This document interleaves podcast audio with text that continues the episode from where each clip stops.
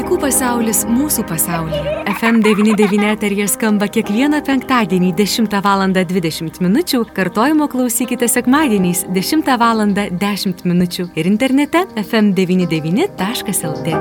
Vaikų pasaulis mūsų pasaulyje. Prie laidos finansavimo prisideda spaudos, radio ir televizijos rėmimo fondas.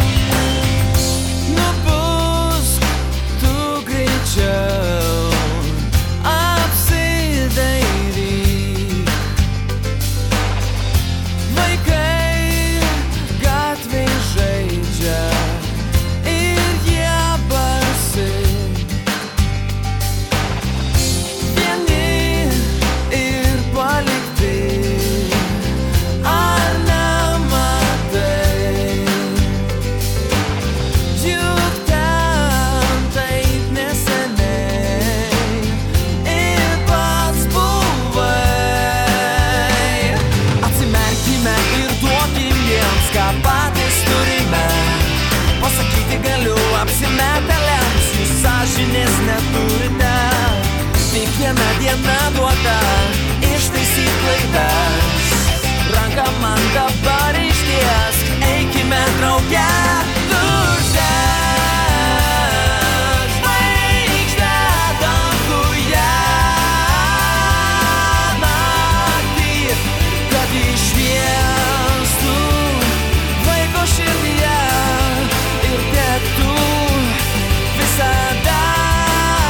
Diena, brangus FM99 klausytojai. Studijoje prie mikrofono Eglė Malinauskenė. Na, eterija Vaikų pasaulis mūsų pasaulyje. Ir štai šios dienos laidą pradeda man ta daina Vaiko žvaigždė, kurioje, na, tikrai esame kviečiami uždegti žvaigždę danguje, kad būtų šviesu, gera vaikams gyventi mūsų planetoje Žemėje ir mūsų šeimose. Tikrai norėtųsi kalbėti tik apie džiaugsmą, tik apie tai, kas yra gražu ir šviesu.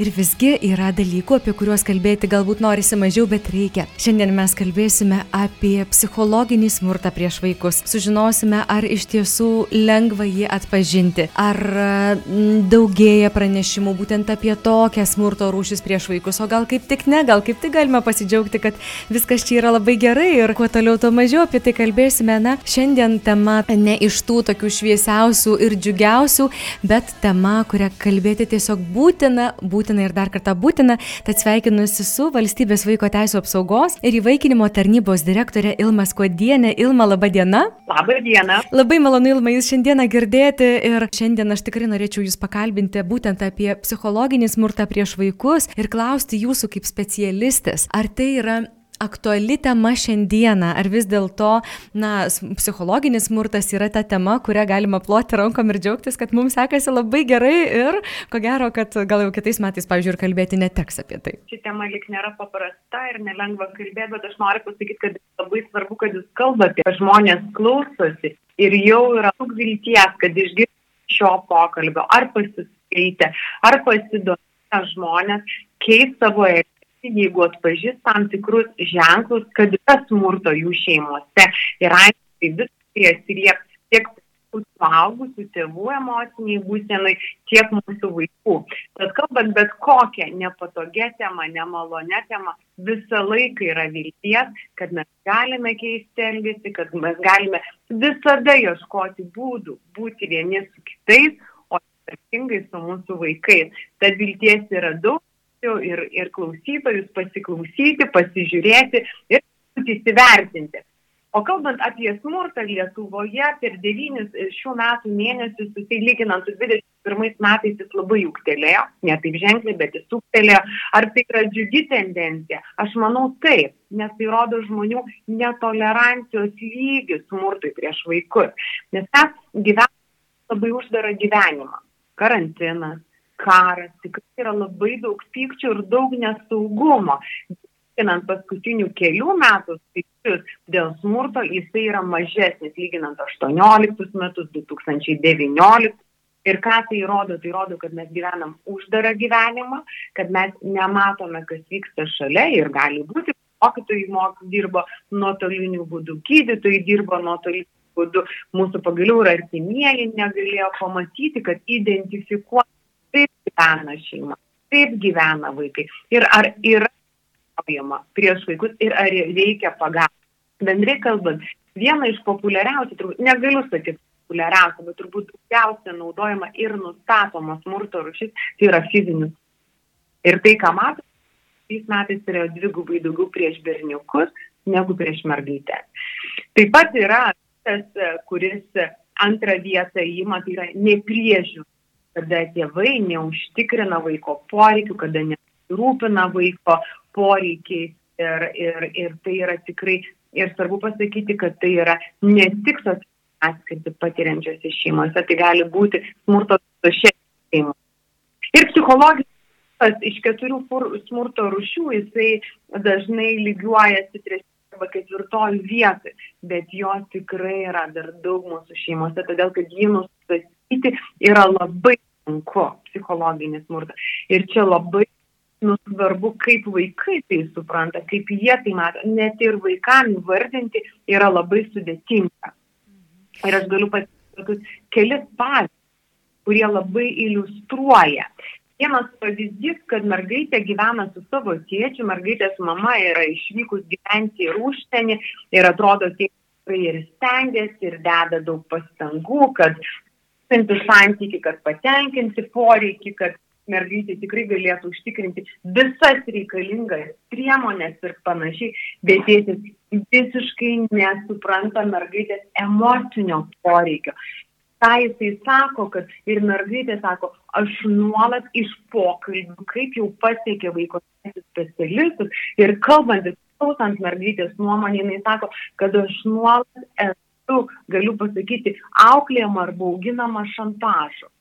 Aš tau nenupirksiu, tau neduosiu, aš tau neleisiu mokytis, tave mama paliko išvyko, džiaugis, kad tu turi mane, džiaugis, kad aš rūpinuosi tavimi, tau tu vienintelis, tu turi paklusti ir taip toliau. Ir ką mergaitė sako, aišku, jau gali daugiau reflektuoti, tai yra 16 metų, tai yra prislėgta, kad jin yra nesuprasta, kad jin yra negirdima, kad jin yra nemylima, iš to didelio tėtės rūpešio, kuris stengiasi nusipirkti, kuris stengiasi padaryti dalykus, pasirūpinti jie materialiai, tuo tarpu jos emociniai poreikiai yra visiškai nepatenkinami. Ir yra nuolat nuvertinama, nuolat pažeminama ir netgi gražiai tau neleisiu eiti į mokyklą, aš tavęs neišleisiu, tave mama paliko ir džiaugis, kad aš rūpino, tai ta situacija jinai yra tikrai labai sudėtinga ir vaikai patiriantis tokias situacijas, jie tikrai gali sirgti arba paukti, ūktelėti jų nerimo lygis, jų dažnai yra tema savivertė, labai dažnai patiriantis psichologinis smurtas, sako, aš jaučiuosi vienišas, manęs negirdi, nes niekas neišgirsta. Ir aišku, artėjant paauglystės auga baimės ir dažnai tai atsiranda, nu, vat, maišomas su priklausomybės keliančiomis medžiagomis. Tokį vieną iš pavyzdžių, kad tikrai, jeigu dar tokį vieną išgyvenimo e, pavyzdį irgi atkeliavęs pranešimas iš mokyklos, tai kad, kad tikrai karantinė, karantino metu mes labai daug praleidom laiko prie kompiuterių, kad mūsų judėjimas tikrai buvo pribotas, sakyti, kad vaikų ir Taip. Mhm. kad vaikai tikrai judesio mažiau, sporto mažiau, mytyba gali būti, buvo įvairi arba daugiau valgo, kai tu sėdi prie kompiuterio, mažiau judi, daugiau valgai, e, užkandžiauji, gal mažiau pajauti sotumą. Ir tai, ką matome ir gydytojai nuolat kalba apie vaikų kūno svorio ūgtelėjimą, kad vaikai lyg linkia dabar į pilnumą ir lyg, galima sakyti, sukimą. Ir tai, ką mes matom, ir tai, ką tėvai, kad, kad apkūniems vaikams arba papilinėjusiam, ne tai, kad darytų pasikalbėtų su gydytoju arba peržiūrėtų mytybą vaiko, peržiūrėtų mytybos planą, kiek įeina maisto produktų, kokie jie įeina. Nežinau, kiek cukraus suvartojama, organizuoti aktyvų laisvalaikį ir judesi, tuo tarpu tėvai pradeda, nu, tu storas, tu daug valgai, tu edrūnas, žiūrėk, valgyk vieną kasnį, ne du, pabaig, pakeista, arba tik viena bulvė, koks tu storas, nevalgyk per daug, koks tu būsi, kaip tu atrodys, tau dabar jau kelnes kokias aš tau pirksiu. Ir tėvai pradeda lyg norėdami gero, aišku, lūkestis tai yra, kad vaikas grįžtų į savo formą, vaikui, nežinau, nepatirtų patyčių, kad vaikas būtų sveikas, kad atitinkamai svorio, bet tuo tarpu tėvai, ką jie daro, jie tą savo didelį nerimą persikėlė į vaikus. Ir aišku, ateina ir žeminimai, ir maisto skaičiavimai.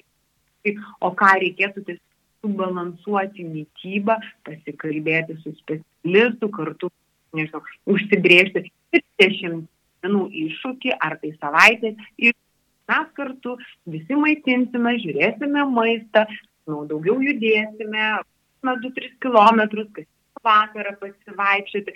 Ir aišku, tai viskai susidėlioti yra nepaprasta, bet ką vaikai sako, mane laiko, ką berniukas sako, mano laiko storuliu, mane pravardžiuoja, aš esu saulė, aš esu ne, nevykėlis, aš esu vienišas ir tai tikrai yra, kad ir nepaprasta, bet tai tikrai yra smurtas, psichologinis smurtas iš tėvų pusės prieš berniuką. Tokia mintis tiesiog peršosi, kad tai yra tiesiog gal, nežinau, neišprusimas, toks psichologinis neraštingumas, ar ne tėvų, kurie, kaip jūs ir minėjote, nori gero, bet tą gerą ne, negeba pateikti, negeba kažkaip įtraukti į savo kasdieną, į savo bendravimą. Ar tai iš tiesų yra labai sunku, nes ypatingai su va, mūsų tėvais, seneliais, kalbant, tai atrodo jau dabar čia šiais laikais, sako, tai tokių nesąmonių prisigalvoja. Augomės normaliai ir čia, nei čia apie psichologus kalba ėjo, ne apie kažkokį smurtą auklėjom ir viskas ir išaugo išaugot ir, ir va geri normalų žmonės išaugot, o dabar jau čia tie vaikai tokie lepus ir, ir, ir žinot, čia reikia galvoti, čia kiekvieną žodį apgalvoti, bet iš tiesų tai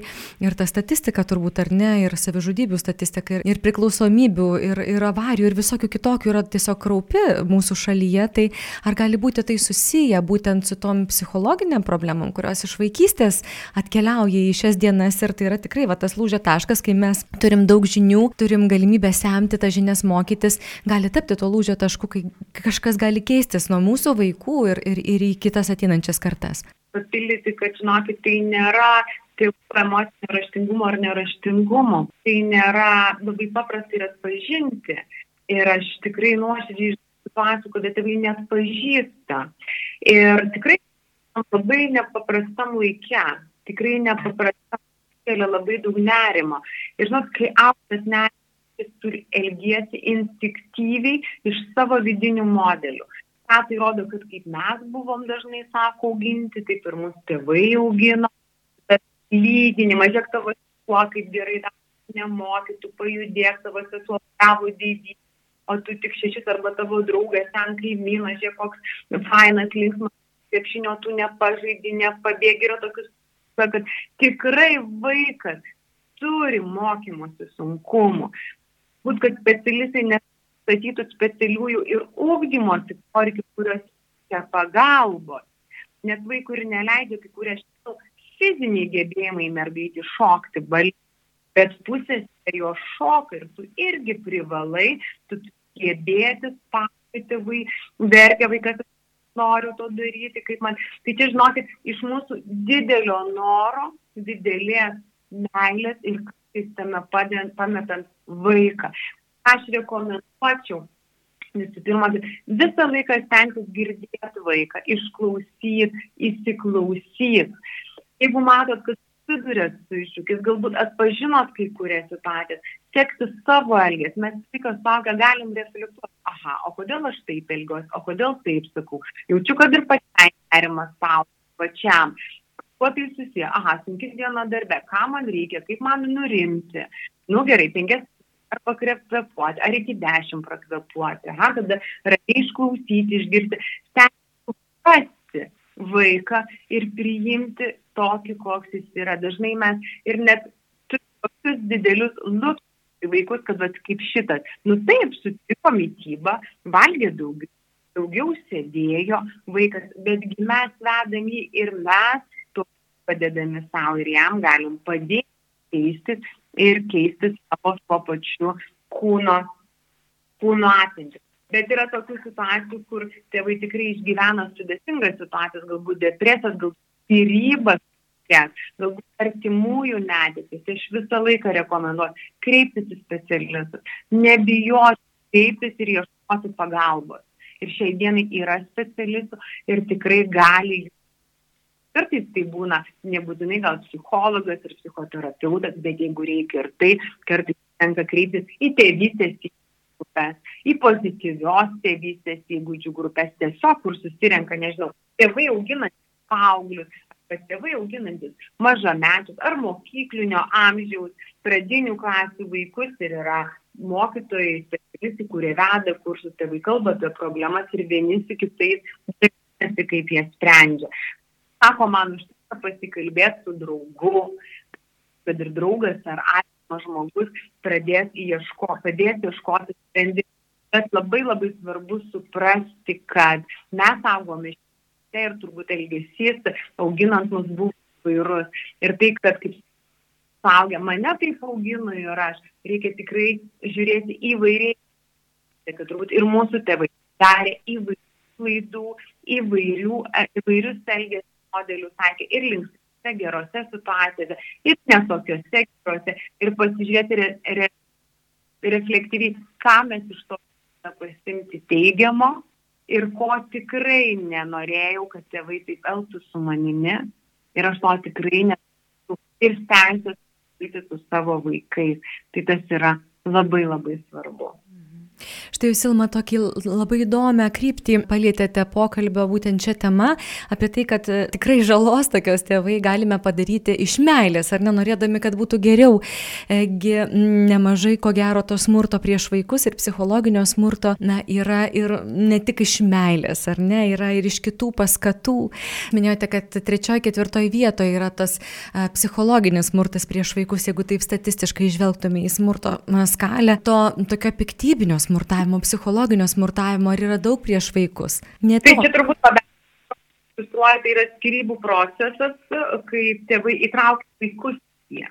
Ir tai, ką mes matome per krizių psichologų, iš pokalbių su psichologais, vaikai sako, aš myliu ir mamą, ir tėtį, bet tik jūs nesakykite, nežinau, su tuo tėvu, kuri, kuriuo gyvena mamai, kad aš myliu dėti, nes mano mama supyks, mano mama įsižeis, aš turiu ją palaikyti tai vaikai perima suaugusių vaidmenį, jie yra manipuliatyviai įtraukiami į konfliktus ir ką vaikai daro, įma kaltę, jie pradeda spręsti klausimus situacijas, emocinės situacijas, ne pagal savo amžių ir tai yra tikrai labai stiprus psichologinis smurtas, kuris turi labai stiprias pasiekmes vaikams. Mes turime būti labai atidžiai tiek savo, tiek vaikams skirybų procese ir kaip tų vaikų neįtraukti. Yra situacijų, kai vienas, vienas iš tėvų skundžia vaiko teisės specialistam, kad lik smurtauja, lik, lik nesmurtauja, lik neleidžia susitikti, tos situacijos skirtingos. Kalbame, mes matom, kad tikrai stiprus konfliktas, kad vaikas įtraukia, kai kada vaikas neperima vien tėvų žodžius, ar kokią tai informaciją kalba suaugusių lūpomis. Ir tai yra tikrai didžiulė vaiko raidai, tai yra didžiulė žala vaiko savivertai, tai tikrai palieka labai skaudžias pasiekmes vaikams tiek kuriant santykius, tiek kuriant šeimas, tiek išgyvenęs būsenas, vaikai būna linkę ir į savižudybę, labai gailai rašė į savižudybę ir aišku į priklausomybę. Taip, iš tiesų tai nėra tik tiesiog va, tas etapas vaikystė praeis ir, ir viskas ir praeis. Iš tiesų, tai labai viskas mumise sluoksniuojasi, dėl ko labai svarbu, ar ne, tą atpažinti ir, ir, ir stengtis įspręsti tas problemas, kad nesisluoksniuotų ir neįsineštų vaikas į, į gyvenimą, nes visada juk mes nešamės, ar ne, ta, tas bagažas kraunas ir paskui būtent va vaiko teisų informacijoje, kurią jūs pateikėte, kad tikrai daugėja kreipimus į psichologus, į psichoterapeutus augusių žmonių žmonių ir kuomet vyksta pokalbiai, kuomet sprendžiamos tos pro problemos, dažniausiai yra grįžtama į vaikystę ir sprendžiamos būtent vaikystėje patirtos e, problemos ir, ir tos situacijose, kuriuose vaikai atsiduria, ar ne? Mhm. Dėl to toje vaikystėje būtent labai svarbu užkirsti kelią ir, ir spręsti tas problemas, kad tai net, na, netaptų tokiu inkaru, kuris tempėsi, ar ne, ir, ir, ir neleidžia lengvai įti į priekį ir kurti savų santykių, ar ne? Taip, vienareikšmiškai mūsų santykis, mūsų ryšys, mūsų gebėjimas kurti santykius, suprasti, kaip jisai veikia, viskas ateina iš vaikystės. Viskas ateina iš vaikystės. Štai dar jūs Ilma. Pačių, kuriuos mes, tai kokį santykį mes patiriame. Štai jūs susiminėte dar Ilma pokalbio pradžioje, kad e, daug atvejų buvo registruota būtent smurto prieš berniukus. Reiškia, e, yra tam tikras lytiškumo skirsnis, būtent kalbant apie smurtą. O ar yra, sakykime, amžius, ar ne, kad, na, sakykime, su augančiais vaikais didėja smurtas prieš juos, psichologinis smurtas prieš juos, sakykime, einant link paauglystės, kuomet jau tikrai atsiranda ir, ir tokios prieš priešos daugiau. Ar tai ne, nėra skirtumo? Amžius neturi ribų iš tiesų vaikų. Labai labai gerai pastebėjot ir mes matome, kad daugiausiai smurto fizinio, e, fizinio ir, ir psichologinio yra nustatoma paauglystės laikotarpyje. Arba įeinant į paauglystę, kai tevam turbūt tik tai susitvarkyti paauglystės laikotarpę su savo emocijom, priimti besikeičiantį vaiką, jo nuotaikas, jo, nežinau, kūno pasikeitimus ir ypatingai tėvai autoritetai nebebūna paauglystės kad iššūkia įvairias emocijas. Mes grėbėmės ant fizinių bausmių, fizinio smūgio, tikėdamėsi, kad pavyks suvaldyti situaciją. Bet nepavyksta. mhm, bet nepavyksta ir vaiko specialistam tenka priimti pagalbą. Tie žmonės sako, man kreipėsi mus ir sako, man labai sunku šitą santykiai labai sunkus. Ar galite, kai nukreipiam mes į grupę, nukreipiam psichologinės pagalbos. Reikia suprasti, kad ne tik mums karantinas buvo nepaprastas. Reikia suprasti, kad ir vaikams, ypatingai tie, kurie į paauglystės laiko neturėjo nei galimybės komunikuoti su draugais, nei jaustis grupėje, nei judėti savo visiškai ekrano, ekrano gyvenimas, kad visiškai neslėps pagal vaiko raidą paauglystė. Paauglystėje mes ką? Turime draugus, mes einame į grupės, mes išbandome save grupėse, mums labai svarbu draugai, lyderiai, tapatiname, ieškom savęs, keliame klausimus, labai svarbus santykis su draugais, jų prieimimas arba prieimimas, tam tikros patirtis su, nežinau, su bendra amžiais, su tos pačios ar priešingos lyties, kyla jausmai, hormonai ir labai svarbu priimti savo kūną ir esi visuomenė, kai matai, kad keitiesi tu, keitiesi kiti, dalinėsi pati gyveni paauglystę. Aš šiandien Ilma nuoširdžiausiai dėkoju už tiek daug svarbios informacijos ir žinių, kuriomis pasidalijote. Ir dar kartą priminsiu jūsų lūpomis nuskambėjusius tokius net ir savotiškas alternatyvas, ką daryti, juk yra psichologai, psichoterapeutai, yra pozityvios tėvystės specialistai, yra įvairūs kursai, kur galima kreiptis, ar ne? Ir tikrai rasti atsakymus į rūpimus klausimus. Na, vaikams turbūt irgi mūsų pokalbio pabaigoje labai svarbu priminti, kad jeigu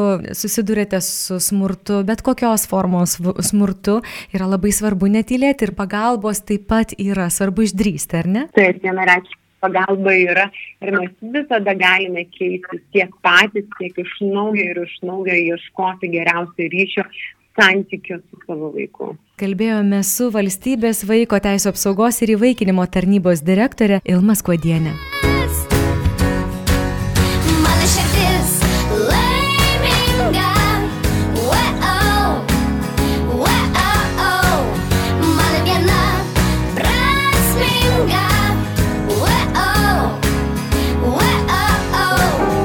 Pasaulis mūsų pasaulyje. Prie laidos finansavimo prisideda spaudos, radio ir televizijos rėmimo fondas.